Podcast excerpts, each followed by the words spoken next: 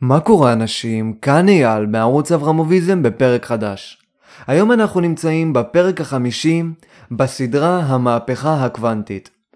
עכשיו הפרק הזה הוא דף חדש במהפכה הקוונטית. הפרק הזה הוא ההתחלה של האי-דטרמיניזם במכניקת הקוונטים ותיבת הפנדורה שאיינשטיין פתח בסוף מלחמת העולם הראשונה. אני חושב שאת הנושא של דואליות גל חלקיק סיימנו באיזשהו אופן. אמנם באופן שמאוד קשה לעיכול, אבל עדיין סיימנו. כמובן שהנושא הזה יחזור, כי הפיזיקה עובדת כמו סולם, אנחנו מתקדמים ותמיד צריכים להשתמש בדברים הקודמים שהשתמשנו בהם, אם על מנת להפריך אותם, ואם על מנת להשתמש בהם כדי לבנות תיאוריות מסוימות, או אה, לבחון דברים בטבע. אז uh, זה לא שעכשיו אני זורק לגמרי דואליות גל חלקיק, דואליות גל חלקיק תתקיים בפרקים הבאים, בפרקים שעכשיו אנחנו הולכים להתחיל, אבל זה לא יהיה העיקר. העיקר יהיה חוסר הדטרמיניזם במכניקת הקוונטים, והפרשנויות הנלוזות לדעתי של איינשטיין, והלא מוסברות היטב של בור, אוקיי? למרות שרוב האנשים הולכים ישר כשהם שומעים על מכניקת הקוונטים, ויותר נכון על הפרשנויות של מכניקת הקוונטים. עם איינשטיין, 99.9% אה, מהאנשים הולכים עם איינשטיין, אני אישית הולך עם בור ועם פרשנות קופנהגן, כי איינשטיין לא מבין משהו שאני רוצה להרחיב עליו בפרקים הבאים. אז חוץ מתיבת הפנדורה שאיינשטיין פתח, שעליה אני ארחיב בסוף הפרק, תיבת הפנדורה של חוסר הדטרמיניזם במכניקת הקוונטים, אני רוצה לדבר גם טיפה על החיים של איינשטיין במלחמת העולם הראשונה, ואם יזדמן, החיים של עוד כל מיני פיזיקאים קצת פחות חשובים במלחמת העולם הראשונה, אם הם יוכלו להוסיף לסיפור של איינשטיין במלחמת העולם הראשונה. אז בואו נתחיל קהל קדוש, נדבר טיפה על איינשטיין ואחרי זה נרחיב על תיבת הפנדורה הארורה. בתחילת מלחמת העולם הראשונה, איינשטיין עוד היה בשוויץ. הוא כבר לא היה 20 שנה בגרמניה, הוא תיעב את גרמניה, הוא תיעב את האידיאלים הגרמנים, ולא היה יכול אה, להחשיב את עצמו לעולם כגרמני. אוקיי? הוא שנא את זה. זה למה גם הוא ביטל את תעודת הזהות הגרמנית שלו ממש קצת זמן אחרי שהוא הגיע לשוויץ, אולי ארבע שנים אחרי שהוא הגיע לשוויץ, התעודת זהות הגרמנית שלו, האזרחות הגרמנית שלו, סליחה, בוטלה. ואיינשטיין אהב להיות בשוויץ, מקום ניטרלי, מקום ללא הישגים, מקום שאף אחד לא חושב, לא רוצים מלחמה, רק רוצים שלום, אחווה וביטחון. כמו שהרחבתי בפרק שלי על העל אדם, זוהי לדעתי מחלה אנושית ארורה, הרצון הזה לשלום. הרעיון הזה שאנחנו עובדים למען שלום, לא אומר שהשלום כשלעצמו הוא האידיאל. עצם העבודה למען השלום ולמען ביטחון מדיני נותן לנו את הסיפוק של האושר. המלחמה היא הטובה, לא השלום אחרי המלחמה, אוקיי? וכשאני אומר מלחמה, כמו שאמרתי בפרק שלי על הדם של ניטשה, אני לא מדבר תמיד על מלחמה שבה נהרגים סתם ילדים, אה, בני 18, אני מדבר על מלחמות פנימיות, יריבויות אה, שלא כוללות שימוש בכלים נאצים למיניהם, אוקיי? אם אתם רוצים הרחבה על זה, תשמעו את הסדרה שלי על ניטשה. עכשיו, יכול להיות שעשיתי טעות, כי אמרתי שבזמן שאיינשטיין היה בשוויץ, התחילה מלחמת העולם הראשונה. זה לא בדיוק נכון. איינשטיין קודם כל הגיע לגרמניה, למרות שהוא לא היה שם 20 שנה, ואחרי זה התחילה מלחמת העולם הראשונה. אבל למה שהוא ילך לגרמניה, ואחרי איזה חודש-חודשיים תתחיל מלחמת העולם הראשונה? למה שהוא יעשה את זה, אם הוא כל כך שונא את האידיאלים הגרמנים הארורים? עכשיו, הסיבה לכך היא בסופו של דבר תורת היחסות הכללית. איינשטיין היה באטרף בשנתיים האחרונות משנת 1913, והאטרף הזה היה הניסיון שלו לסיים כבר את תורת היחסות הכללית.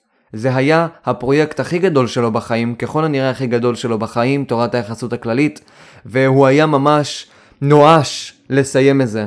ברם, הסיבה לכך שהוא לא סיים, היא כי בפרופסורה שלו בציריך, היה צריך לעשות הרבה עבודה עם הסטודנטים, הוא היה צריך להנגיש הרבה שיעורים, הוא היה צריך להתכונן לפני לאותם שיעורים.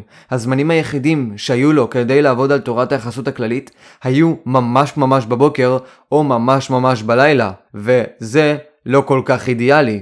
השכל לא חושב כל כך טוב. השכל חושב טוב בשעה 10, בשעה 9, אפילו 8, אבל לא ב-6 בבוקר, ולא ב-12 בלילה, אוקיי?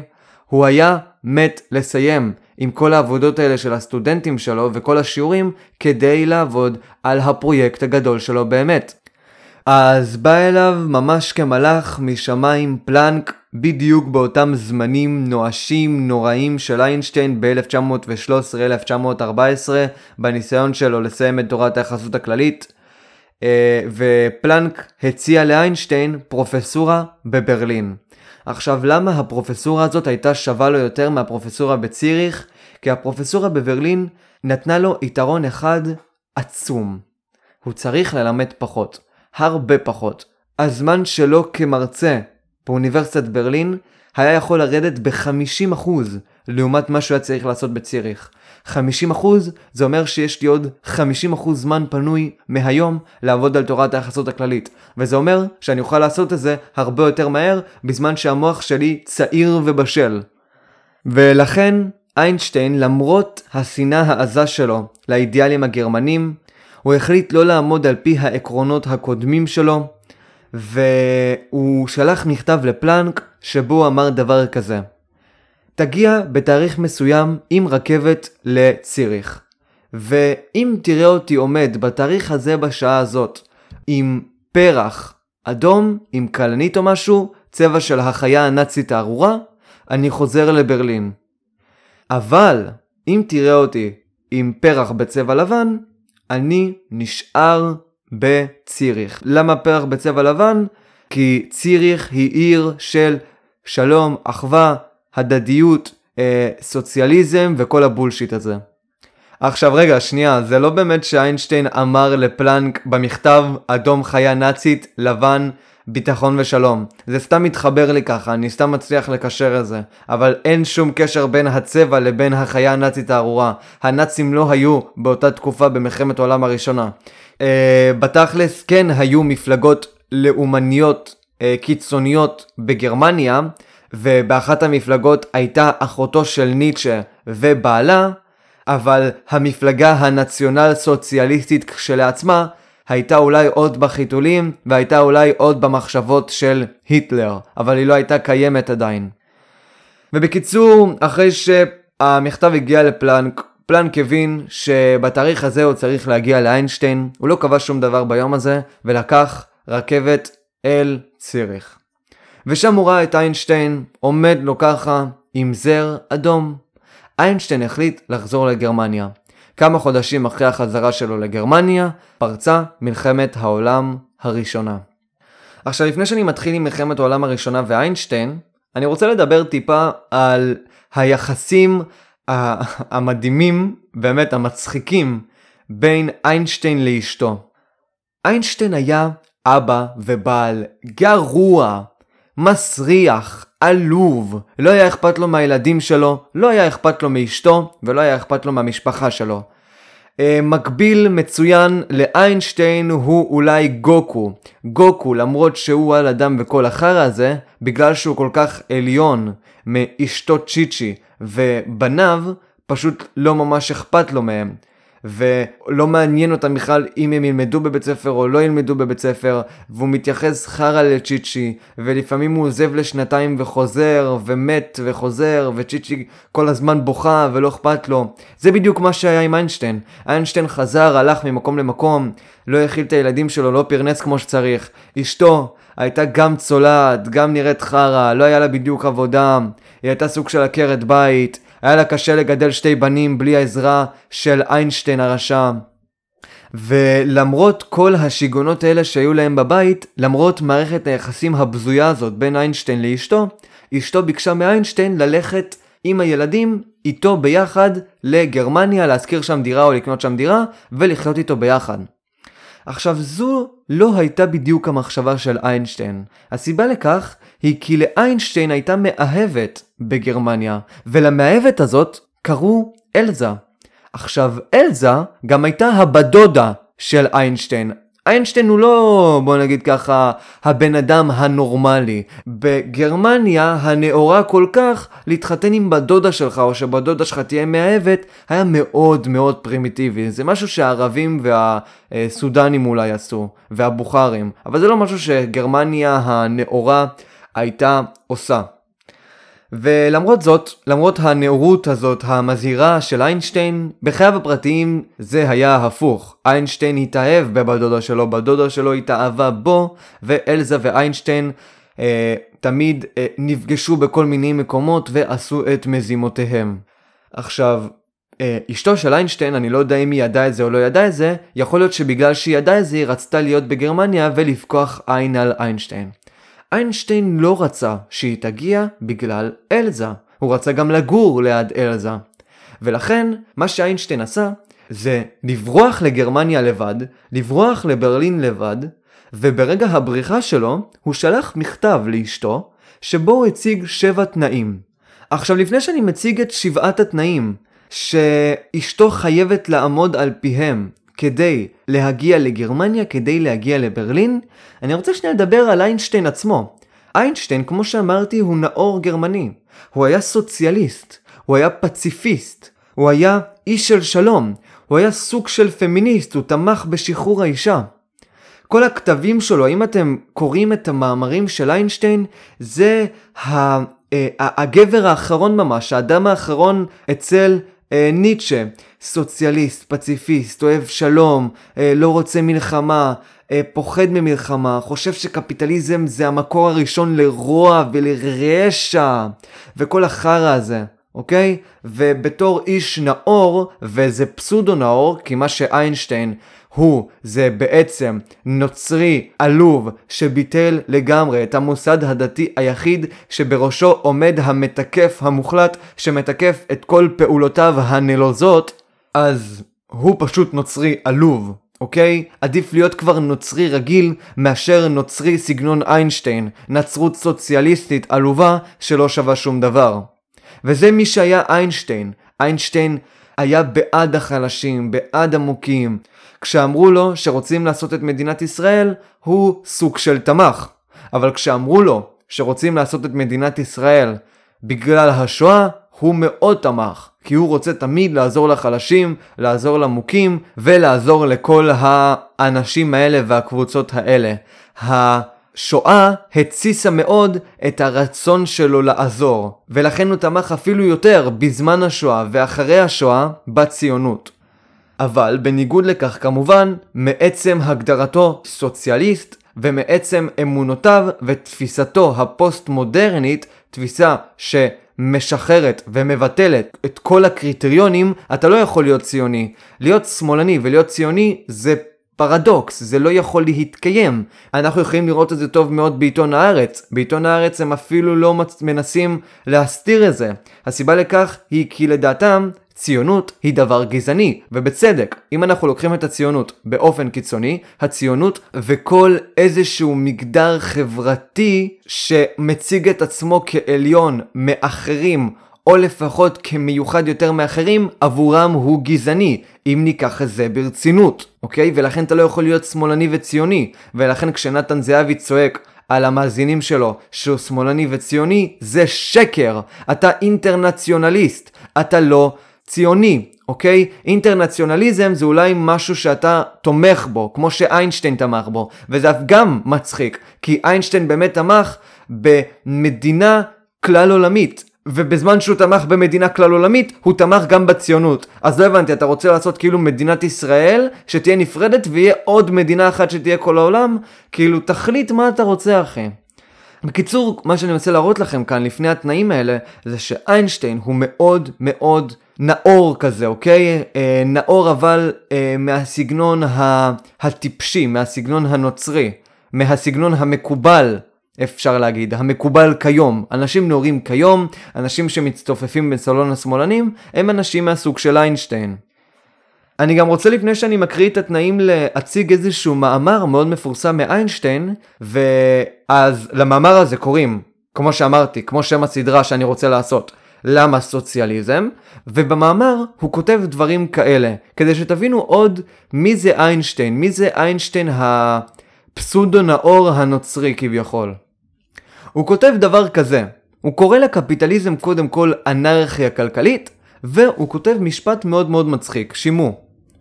האנרכיה הכלכלית של החברה הקפיטליסטית, כפי שהיא קיימת כיום, היא לדעתי המקור האמיתי לרוע, לרשע.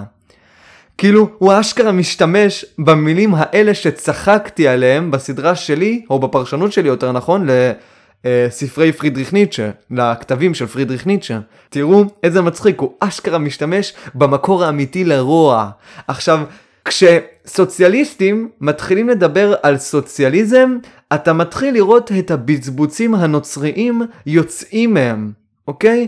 הם ממש נוצרים כשהם מדברים על סוציאליזם, למרות שהם לרוב מבקרי הדת הכי גדולים. לפני כמה זמן אני ראיתי איזשהו ראיון קצרצר עם תמר זנדברג, שהיא מצד אחד אומרת שהיא רוצה חמלה, שלום, עזרה לזקנים, עזרה למוכים, אה, עזרה לאנשים עם המוגבלויות וכל החרא הזה, ובדיוק מצד שני אומרת, אני רוצה לבטל את כל המוסדות הדתיים המרושעים והרשעים מהמדינה, ולשחרר אותנו מהדיקטטורה הדתית הנוראית, ככה היא אמרה כמו איזה טיפשה מטומטמת. כלומר, למרות שהיא בעד שלום, אחווה, פרישות, חולשה וכל החרא הזה, היא אומרת ישר אחרי זה שהדיקטטורה הדתית זה דבר רע. אבל הדיקטטורה של לנין זה דבר טוב, למרות שזה בתכלס אותו הדבר בדיוק. אם הקשבתם כמו שצריך לסדרה שלי על פרידריך ניטשה, תראו את הסדרה הזאת, סדרה מפחידה קהל קדוש. אז בואו נמשיך שנייה, בואו נקריא עוד איזושהי פסקה קלה מלמה סוציאליזם אותו מאמר בזוי ועלוב. בכלכלה כזו, אמצעי הייצור הם בבעלות החברה עצמה והם מנוצלים בצורה מתוכננת. כלומר, תראו, ממש מרקס, ממש מופיע לנו כאן מרקס בגרסה הפיזיקאית. אמצעי הייצור בעד החברה, או כל הכבוד, קראת את הקפיטל והשתכנעת, תן כי פיינשטיין. כלכלה מתוכננת, המתאימה את הייצור לצורכי הקהילה. תחלק את העבודה שתעשה בין כל היכולים לעבוד, ותבטיח פרנסה לכל גבר, אישה וילד. חינוכו של הפרט, בנוסף לקידום יכולותיו המולדות של עצמו, שבזה אני תומך, ינסה לפתח בתוכו תחושת אחריות כלפי חבריו במקום האדרת הכוח וההצלחה בחברה הנוכחית המרושעת שלנו. רשע רוע. אני רוצה לבטל את כל התחרויות וכל הרשע והרוע. אני רוצה לבטל את האולימפיאדה, כי באולימפיאדה החזקים מנצחים וזה מעצבן אותי. אני רוצה שהעלובים בלי הרגל הם אלה שיקבלו הטבות וירוצו יותר מהר. ויקבלו את מדליית הזהב כאשר הם רצים מול יוסיין בולט. זה מה שאני רוצה, אני כל כך רוצה את זה, אבל החברה שלנו מרושעת, החברה שלנו קפיטליסטית, החברה שלנו לא מאפשרת לכל גבר, אישה וילד לעבוד. ומה שאיינשטיין לא מבין זה שהסיבה לכך שה... שהחברה יוצרת ניכור של גברים, נשים וילדים בכל מיני מקומות עבודה, זה לא בגלל הקפיטליזם כשלעצמו, זה בגלל הטבע הכבשי, כמו שהצגתי, של אותם גברים, נשים וילדים שלא מסוגלים להיות אדונים לעצמם, והם חייבים את הקפיטליסט הגדול שיגיד להם מה לעשות. אז אחרי שהבנו בערך מיהו איינשטיין, נתחיל לדבר על התנאים הבאמת מצחיקים שאיינשטיין הציב לאשתו. את חייבת תמיד לעשות לי כביסה ולגהץ לי, ולהחזיר את הכל לארון. את חייבת לעשות שלוש ארוחות ולהכניס לי אותם לחדר כל יום. החדר שלי חייב להיות מצוחצח. את צריכה לבטל כל מערכת יחסים כזו או אחרת עם גברים ונשים אחרות, חוץ ממני. לעולם לא לבקר אותי מול הילדים, לא להגיד שאני רע, ולא להגיד מילה רעה לעולם מול הילדים. את לא הולכת לקבל ממני שום אינטימיות לעולם. אוקיי? איינשטיין כבר לגמרי היה בראש שבו הוא הולך להציג לעולם את התיאוריה היפהפייה ביותר שאי פעם נעשתה במין האנושי, ולא היה אכפת לו מאינטימיות ולא היה אכפת לו משום דבר אחר. את מחויבת להפסיק לדבר איתי או לתקשר איתי אם כך קבעתי. את חייבת לצאת מהחדר שלי כשאני מבקש. עכשיו, מה שאיינשטיין יצר לנו כאן בתנאים האלה זה שפחה. אין לה שום קשר עם העולם החיצוני. היא מחויבת לעשות הכל, כמו שאיינשטיין אומר. אסור לה לבקר את איינשטיין, זה כאילו לגמרי עכשיו כמו דיקטטור ופועל יחיד. איך דיקטטור יתנהג לפועל יחיד, או המצב של הנשים לפני 400 שנה בערך, שהם היו ממש שפחות בבית, אוקיי? איינשטיין, למרות היותו פמיניסט, יצר לנו כאן תנאים שמבטלים לגמרי את האני של אשתו. האישה היא לא יותר אינדיבידואל, היא לא סובייקט. היא בסך הכל שפחה שצריכה לעזור לאיינשטיין הגדול. עכשיו, בתכל'ס זה איכשהו מוצדק, כי מאחורי כל גבר מצליח עומדת אישה, ובתכל'ס, אם היא לא הייתה עובדת על פי התנאים האלה, יכול להיות שאיינשטיין לא היה מגיע למטרות הנשגבות שהוא הציב לעצמו, אוקיי? כי הוא לא היה חייב לעבוד בשום דבר אחר, הוא רק היה יכול להתמקד במחקר. עכשיו, הדבר אולי הכי מטומטם בכל התנאים האלה, זה שאשתו הטיפשה הזאת אשכרה הסכימה לכל תנאי. אבל כמובן אחרי חודשיים שהיא חיה איתו, ואחרי שהיא ראתה שתמיד איינשטיין בורח מהבית אה, והולך כמה רחובות, כמובן, למאהבת שלו אלזה, היא החליטה לחתוך את הקשר ולחזור חזרה לציריך. ממש גאונה, איזה שכל יש לך. כבר מהתנאי הראשון את צריכה להבין שאת הולכת להתנהל כאן עם פסיכופת ודיקטטור. אז עכשיו איינשטיין נשאר לו לבד בביתו המרווח והוא גם קרא לאלזה בת דודתו שתהיה איתו באותו בית והוא היה לגמרי משוחרר באוניברסיטה של ברלין הן מבניו ואשתו ואין משעות עבודה רבות באוניברסיטה. היה לו עכשיו הרבה הרבה זמן. אבל באותו זמן, ישר אחרי שאשתו חזרה לציריך, פרצה מלחמת העולם הראשונה בגרמניה. וקודם כל, מלחמת העולם הראשונה גרמה להרבה פיזיקאים גדולים להצטרף למלחמה.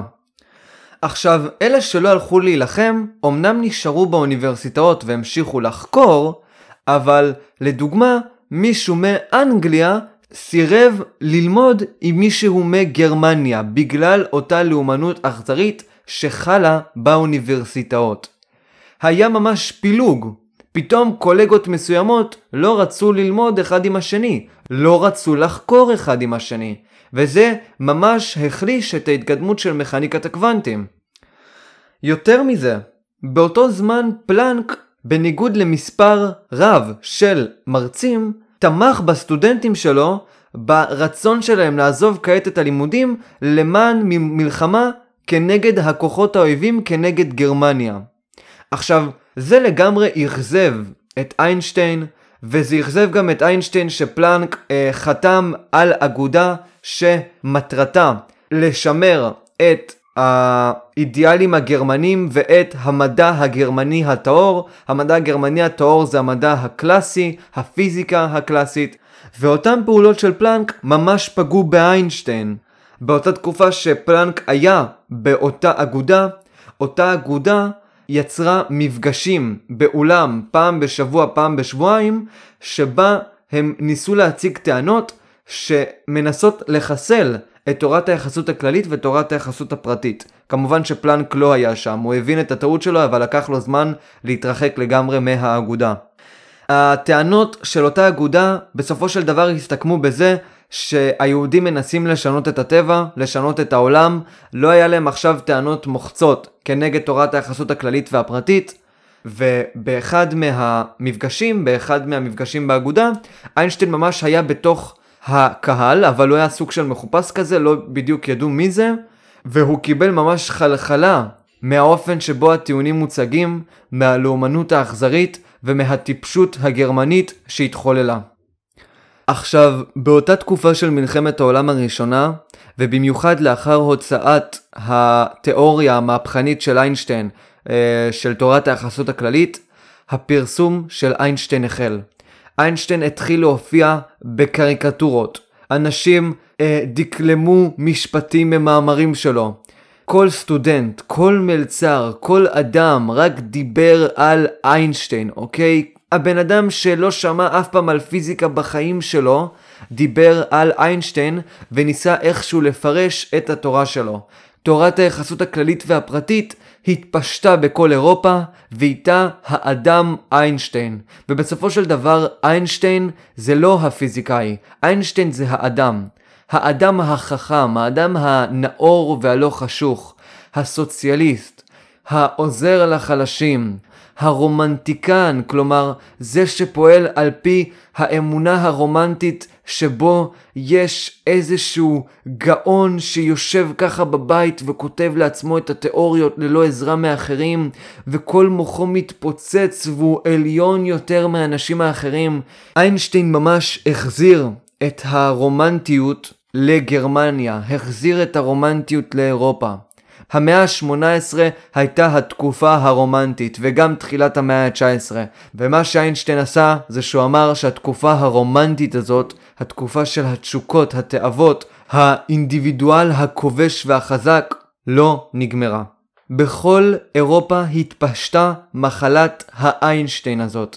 אפילו גרמניה, ישר לאחר שאיינשטיין התפרסם כל כך, החזירה את האזרחות לאיינשטיין, ו...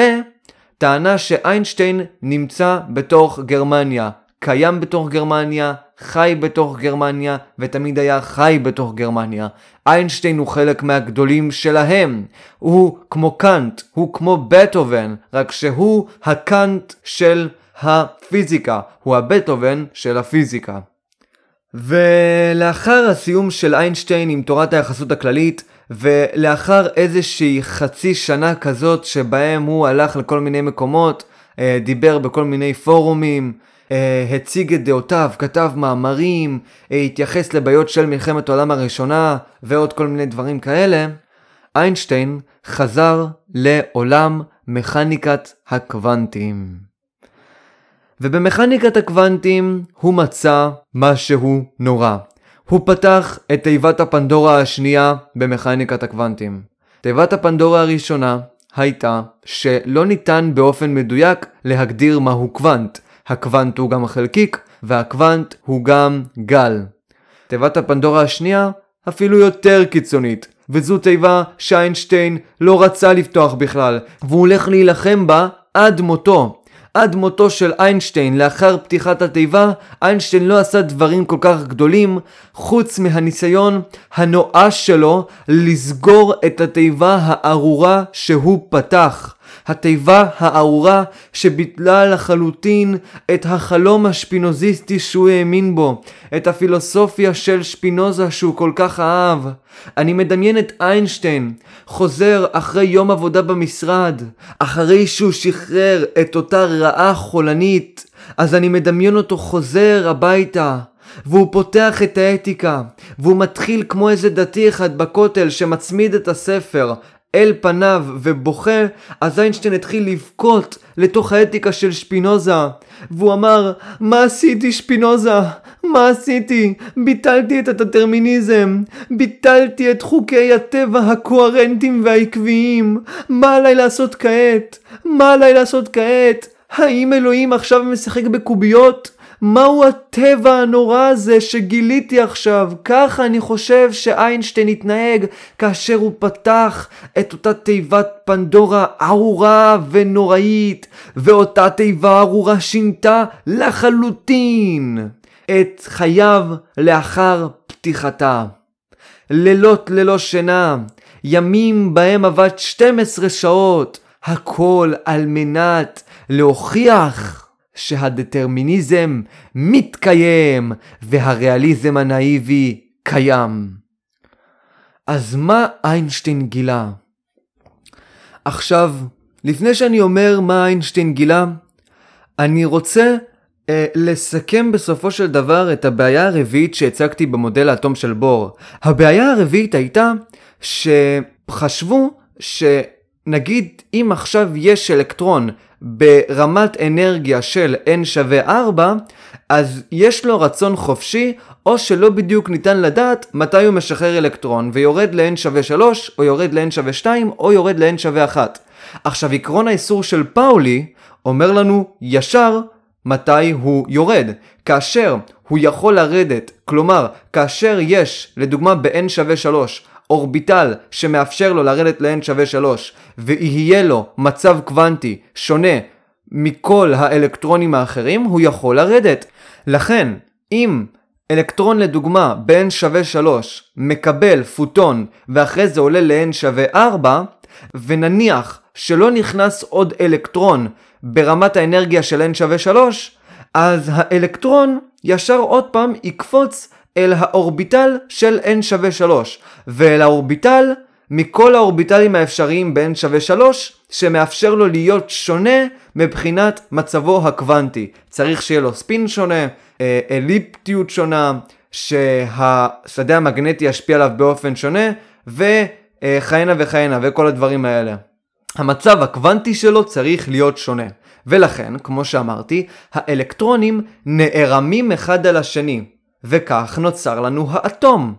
האטום לדוגמה עם 128 אלקטרונים נוצר לנו על ידי כך שקודם כל יש שתי אלקטרונים ברמה הראשונה ואחרי זה ברמה הראשונה כבר לא יכולים להיכנס יותר אלקטרונים בגלל עקרון האיסור של פאולי אז האלקטרונים הנוספים הולכים ל-n שווה 2, ואחרי זה n שווה 3, n שווה 4 וכל זה. אם יהיה אלקטרון ב-n שווה 8 לדוגמה, שפתאום יעלה ל-n שווה 9, ששם לא נמצאים אלקטרונים, וב-n שווה 8, לאחר העלייה שלו ל-n שווה 9, ב-n שווה 8, באורביטל שהוא היה בו, אין שום אלקטרון, אז אין כאן שום דבר הסתברותי. ברגע שזה המצב, הוא ישחרר ישר פוטון כדי להגיע ל-n שווה 8. למה? כי יש שתי עקרונות שהאלקטרונים עובדים על פיהם. העיקרון שבו אני לא רוצה להיות במצב מעורער, וזה קשור לאנטרופיה וכל מיני דברים כאלה. והעק... ועקרון האיסור של פאולי. אני נמצא באטום רק כאשר מצבי הקוונטי, מצבי האנרגטי, שונה מכל האלקטרונים האחרים. כאשר שתי העקרונות האלה פועלים, הבעיה שלנו מסתיימת. הבעיה הרביעית לא קיימת. אין רצון חופשי לאלקטרון, כי הוא פועל על פי שתי עקרונות, הגיוניים במיוחד. מי שלא בדיוק מבין מה זה עקרון האיסור של פאולי, אני ממליץ לו מאוד לשמוע את הפרקים הקודמים. כאילו, מה זה ממליץ לו מאוד? אתה לא יכול להבין מה קורה בפרק הזה אם לא שמעת את הפרקים הקודמים כפרה עליך. אז תשמע את הפרקים הקודמים, תבין מהו עקרון האיסור של פאולי, ואחרי זה ישר תוכל לדמיין לעצמך תמונה של אטום שבה אין דבר כזה אלקטרון עם רצון חופשי. האלקטרון פועל על פי כך שהוא לא רוצה להיות במצב מעורר, ועל פי עקרון האיסור של פאולי. אבל, חוץ מזה שאלקטרון יכול לקבל פוטון ולעלות רמה, או להוציא פוטון כשמתאפשר לו וכאשר ברמה למטה אין אלקטרון ולרדת רמה, לאלקטרון יש עוד קפיצה קוונטית. קפיצה קוונטית מאוד מוזרה וקפיצה קוונטית הסתברותית, קהל קדוש. לקפיצה הזאת איינשטיין קרא ואיינשטיין גילה אותה. פליטה מאולצת של אור. ומה הקפיצה הקוונטית אומרת? אוקיי, כדי להבין את הקפיצה הקוונטית הזאת, את הפליטה המאולצת של אור, נעשה לעצמנו ניסוי מחשבה. נניח שיש לי אלקטרון ב-n שווה 3, ואני יורה פוטון אל עבר האלקטרון. האלקטרון שלי יקבל אנרגיה ויעלה ל-n שווה 4. אין כאן עוררין. לא. איינשטיין אומר שספציפית במצב הזה, האלקטרון נמצא במעין מצב של רצון חופשי. האלקטרון לאחר קבלת הפוטון, במקום שהוא יעלה למעלה, יכול לעצור לכמה שניות, ובאמת אני אומר כמה שניות, ואחרי זה או לרדת ל-n שווה 2, או לעלות ל-n שווה 4. כאשר הוא ירד ל-n שווה 2, הוא יפלוט פוטון, ולכן קוראים לזה פליטה מאולצת של אור. רגע, מה? עוד פעם, אני יורה פוטון אל עבר אלקטרון שנמצא ב-n שווה 3. במקום שהאלקטרון יעלה ישר ל-n שווה 4, האלקטרון פתאום מתבלבל, ויכול לבחור האם לרדת למטה או האם לעלות למעלה. סביר להניח שהוא יעלה למעלה, אבל יש סיכוי שהוא ירד למטה. עכשיו יותר מזה, הפליטה של הפוטון שהוא פולט לאחר שהוא יורד ל-n שווה 2 היא רנדומלית לחלוטין. הפוטון יכול לברוח לצד שמאל, לצד ימין, אה, אחורה, קדימה, והדרך היחידה שלנו לחשב את התנע של הפוטון ואת הכיוון שלו היא רק באופן הסתברותי. אוקיי? רק באופן הסתברותי אני יכול לדעת האם האלקטרון עצמו יעלה למעלה או יעלה למטה, ואם כבר שהוא עולה ל-n שווה 2, אז רק באופן הסתברותי אני יכול לדעת לאן הוא יפיץ את הפוטון. יש לנו כאן בעיה מאוד מוזרה במכניקת הקוונטים. במכניקה הקלאסית לדוגמה, אם עכשיו אני לוקח רכב ואני נכנס במישהו, הבן אדם ישר עף, אוקיי? הוא עף 3 מטר, 4 מטר, והוא עף לכיוון מסוים שאני יכול למדוד על פי הפגיעה שלי. נכון? כי זה דטרמיניזם. אבל, אם עכשיו היינו בעולם קוונטי, הייתי לוקח אוטו והייתי דורס בן אדם, ובמקום שהבן אדם הזה יעוף, רק אחרי 4 שניות, הוא יעוף והוא גם יחליט לאן הוא עף. אם הוא עף למעלה או אם הוא עף למטה. אתם מבינים את האבסורד, את המוזרות של מה שקורה כאן? תחשבו על זה, אתם נוהגים באוטו וכאילו יש לכם לאג באמצע ובמקום עכשיו שהבן אדם שאתם דורסים אותו יעוף, לוקח לו 4 שניות להחליט לאן הוא רוצה לעוף. אם הוא רוצה לעוף למעלה ואם הוא רוצה לעוף למטה. ונניח שהרגל שלו זה הפוטון, אז הרגל תתנתק מגופו כאשר הוא ייפול למטה רק באופן הסתברותי. כלומר, כיוון הרגל יהיה הסתברותי גרדה. כל מה שקורה אחרי הירייה של הפוטון היא, הוא הסתברותי לחלוטין. אם הוא ייפול למעלה או אם הוא ייפול למטה. באיזה כיוון הוא יפלוט את הפוטון אם הוא נופל למטה. הכל זה הסתברותי לחלוטין. עכשיו, איינשטיין כמו פלנק, לא פחד. איינשטיין מכיר חוקי פיזיקה הסתברותיים. החוקים של מקסוול ובולצמן על האנטרופיה היו הסתברותיים. למה הם היו הסתברותיים? מתוך בורותו של האדם. הרי האדם, כאשר הוא בוחן את האנטרופיה של הגז, לא יכול עכשיו לבחון כל אטום בגז, כי יש יותר מדי. אז מה שהוא עושה, זה הוא משתמש בפונקציות הסתברותיות. אה, יש סיכוי של 90% שהגז ילך בכיוון הזה, אבל יש סיכוי של 10% שהגז ילך בכיוון הזה. אבל בתכלס, אם הייתי יודע את כל המצב של האטומים הגזיים, הייתי יודע ישר לאיזה כיוון הגז ילך. כלומר, היה לי כאן סיכוי של 100%. אבל מתוך בורותו של האדם, החוקים האנטרופיים הקלאסיים הם הסתברותיים גרדה. ובגלל ההכרה של איינשטיין עם ההסתברותיות שנובעת מתוך בורותו של האדם, איינשטיין אמר, הכל בסדר, אפשר להירגע. אני הולך לפתור את החידה הזאת עוד מעט, או מישהו אחר הולך לפתור את החידה הזאת עוד מעט.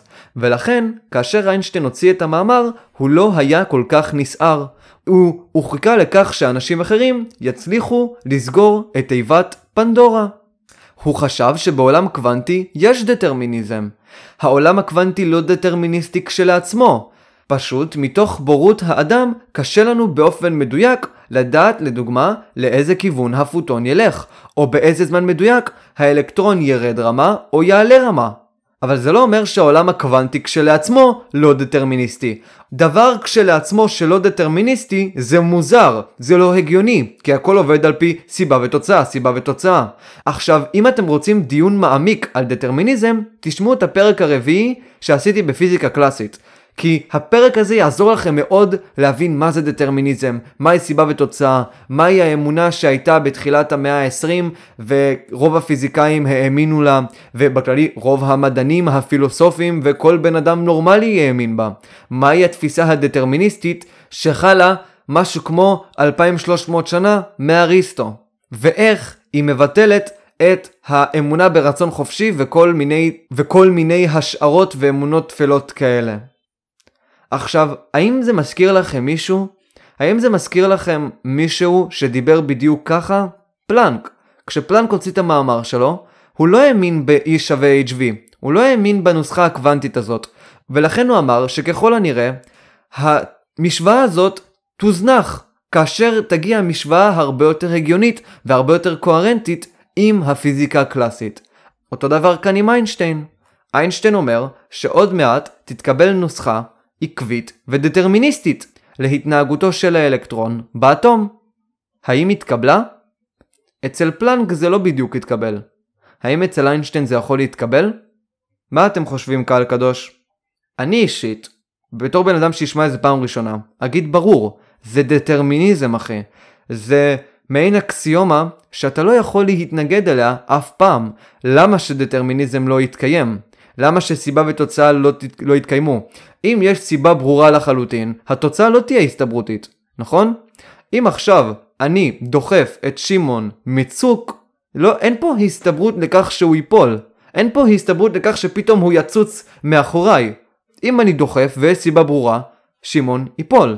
ולכן הדטרמיניזם תמיד פועל. כל העולם הוא דטרמיניסטי. הדרך שבה אנחנו הוכחנו את המפץ הגדול זה באופן דטרמיניסטי. כל העולם הוא דטרמיניסטי, ואם הפיזיקה הקלאסית כשלעצמה היא דטרמיניסטית, סביר להניח שמה שמקיים את הפיזיקה הקלאסית דטרמיניסטי גם הוא. לא הגיוני שיהיה טבע שונה למערכת הקוונטית ולמערכת הקלאסית אם המערכת הקוונטית יוצרת את המערכת הקלאסית, נכון? אם המערכת הקוונטית היא פשוט פירוק של מערכת קלאסית מסוימת. יש לי נגיד כדור, ואחרי זה אני מפרק את הכדור לאטומים, ופתאום נוצר לי כאן מערכת קוונטית. אבל עדיין החוקים הקלאסיים אמורים להיות אה, תואמים עם הפיזיקה הקוונטית, או לפחות העקרונות. אם אנחנו לא נצליח להסביר את זה בעזרת חוקים קלאסיים, כמו לדוגמה F שווה MA וכל מיני דברים כאלה, לפחות שהעקרונות, האקסיומות, הפוסטולטים שיש בפיזיקה הקלאסית חייבים להתקיים בפיזיקה הקוונטית. במכניקה הקוונטית. זה משהו הגיוני מאוד, ומשהו שכמו שאמרתי בפרק הקודם, הייזנברג יתנגד לו, והייזנברג יחשוב שזה מטומטם לחשוב ככה, למרות שמה שאיינשטיין אומר מאוד משכנע. הריאליזם הנאיבי הזה, שיש עולם, יש אמת, והאמת הזאת לא קשורה למתבונן, לא קשורה לפיזיקאי, אלא היא מתקיימת מחוץ לעולמו של הפיזיקאי, היא הגיונית מאוד. כל בן אדם שחושב, בסופו של דבר אמור להאמין בדטרמיניזם, אוקיי? ולכן סביר להניח שהבעיה הזאת שאיינשטיין אה, מצא לנו, שתיבת הפנדורה הארורה שהוא פתח, תיסגר מאוד מהר. האם היא תיסגר? זמנים יגידו. אז תלחצו על הפעמון, תעשו סאב, אה, תבקרו אותי אה, באופן חיובי בפודקאסט ובאפל ובכל החרא הזה, ונשתמע.